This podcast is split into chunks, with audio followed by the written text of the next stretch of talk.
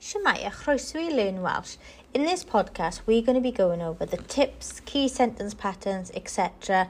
for your 20 mark and your 25 mark questions in Unit 4. Here goes.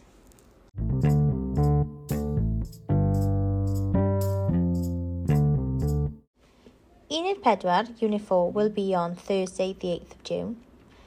Um, and it's all about descriptive, creative, and imaginative. So the main focus will be writing. We have had advanced information. It says Unit 4, so the C section C. Okay, so we had advanced information for section C in Unit 3 as well. So, section C, we have had advanced um, information that the written question, the two options are the first one is Wales and the World and a blog. And the second option is youth and a story. So let's first look at how to write a blog. So when writing a, a blog, these are the points to follow. So choose a title to draw attention. It doesn't have to be a complicated title. If you're talking about sport. If you're talking about famous people, pobl enwog. Okay? Um, things like that. So you choose a title to draw attention. The next one. Use everyday language, informal language. It doesn't have to be um, formal language because a blog isn't.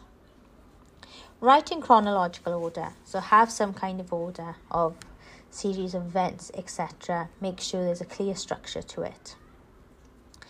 Include experiences, feelings, and opinions. So, depending on what is asking you, so Cymru, Wales, and the world, maybe you're talking about famous people, maybe it's Wales in your area, comparing it to other countries, etc. But I will be recording a separate podcast focusing on the topic Wales and the world and examples of questions. You know how to express your opinion. There's loads of sentence patterns that you already know that you revise thoroughly for your speaking exam. So let's look at the language that we can use in a blog. Dyma fi eto. Here I am again, so you can pretend that you write a regular blog. Hello, a siamai. Okay. Chi'n gweld, you see. Chi'n deall, you understand. Chi'n gwybod, you know. Am brofiad, for experience. Am hoel, for fun. Byth eto, never again. Oh na, oh no. And things like that. Past tense, you can get loads of past tense in there. So if you talk about Wales in the world, maybe things you've done in your area, or maybe you've watched a film or listened to a song of the Welsh celebrity that you were going to write about. Idioms, you know plenty of idioms as well.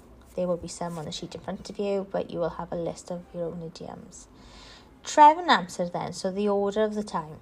Yn y in the past, mis diwethaf, last month, wythnos nôl, okay, a week back, ar y penwythnos, on the weekend, yn ystod y gwyliau, during the holidays, ddoe, yesterday, neithiwr, last night, heddiw, today, y bore yma, this morning, heno, tonight, a fori, tomorrow, yn y dyfodol, in the future.